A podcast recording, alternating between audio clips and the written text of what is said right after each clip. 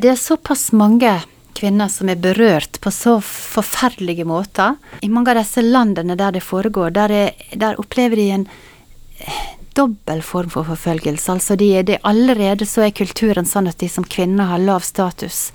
De som kvinner har færre juridiske rettigheter, færre muligheter til jobb og til å forsørge seg sjøl og ta utdannelse. Stilles svakere. Jeg har svakere rettsvern.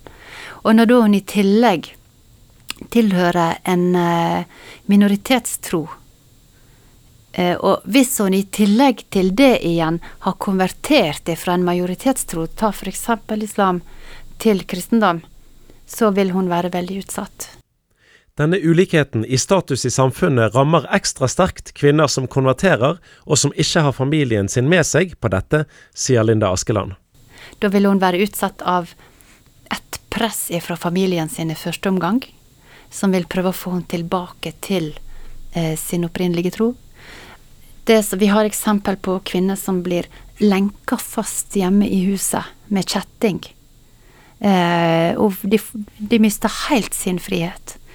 Eller at de kan få gå fritt inn i huset, men de, de blir behandla som død. De blir ikke De mister navnet sitt, de blir behandla som en navnløs tjener. Eh, men dette er usynlig. Dette kommer ikke frem i dagen, dette kommer ikke frem i mediene, for det er familie... Kvinnen bare har forsvunnet fra gaten, holdt på å si. Det, man ser ikke henne. Det blir en usynlig form for forfølgelse. Eh, så, så, det er noe av det vi ønsker å synliggjøre disse kvinnene som har blitt usynlige. I andre tilfeller er det ikke familien, men myndighetene eller væpnede grupper som utgjør en særlig trussel mot kvinner og mot deres trosfrihet. En form for forfølgelse som er forskjellig fra menn, det er tendensen til at kvinner blir kidnappa, bortført, voldtatt, forsøkt tvangskonvertert og tvangsgifta.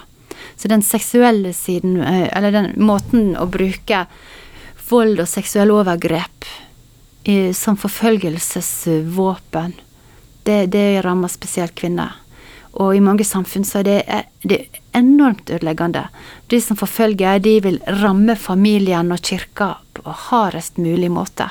Og det gjør de der. Også fordi at det er så mye skam knytta til det. Så mange kvinner som eh, har vært i fangenskap og blitt behandla på denne måten, og kanskje klarer å rømme og komme hjem, så kan de ha problemer med å bli tatt imot i sitt samfunn.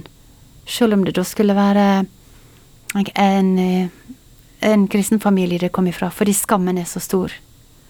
Nå er jo det en av de tingene som vi jobber med at holdningene der skal bli endra, sånn at de skal bli tatt imot med åpne armer om og når de kommer hjem.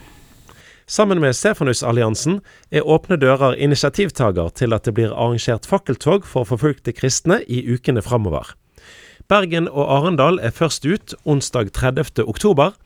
Deretter følger Kristiansand, Trondheim, Stavanger, Ålesund, Oslo, Råde i Østfold, Stokmarknes, Lakselv og til slutt Øystese, sistnevnte den 8. desember.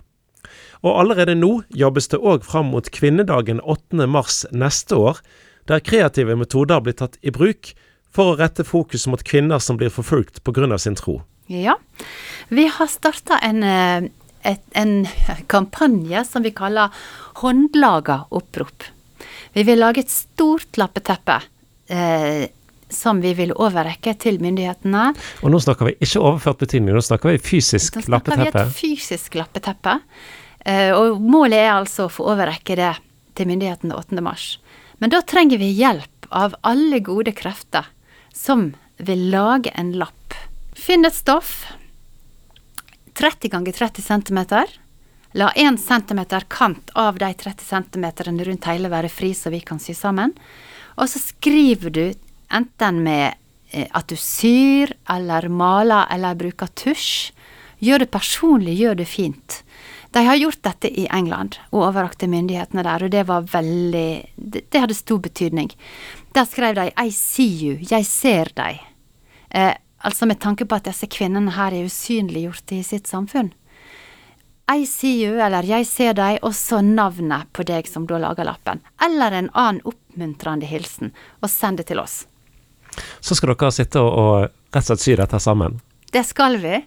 Det skal vi, Så det skal vi gjøre i februar. Sånn at vi må ha det inn i løpet av januar, må vi ha fått inn alle sammen. Du sa at dette var gjort i, i England eh, og hadde fått betydning. Noe så konkret og relativt enkelt i utgangspunktet, hvorfor kan det bety noe? Det er noe med at det synliggjør at vi er mange. Her er vi mange som mener at en sak er viktig.